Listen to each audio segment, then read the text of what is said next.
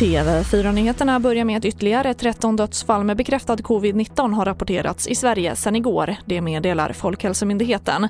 Och därmed har totalt 12 977 smittade avlidit i landet. Och den unga kvinna som var förare i bilen vid olyckan i Sörfors sydväst om Sundsvall i maj förra året döms till två månaders fängelse och skyddstillsyn. I olyckan dog fyra 16-åriga pojkar. Den kvinnliga föraren av bilen har varken erkänt eller förnekat händelsen och hänvisar till att hon inte har några minnen av olyckan.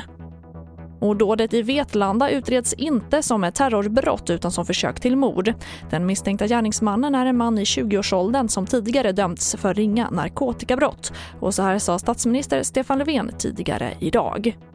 Det här var en attack där oskyldiga människor skadades och just nu kämpar på sjukhus. En attack som gör att familj och vänner just nu fruktar för en älskads liv. Regeringen och regeringskansliet har en nära dialog med Polismyndigheten och Säkerhetspolisen om den här attacken.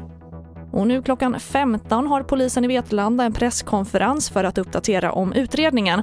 Och den kan du följa på tv4.se. Jag heter Charlotte Hemgren.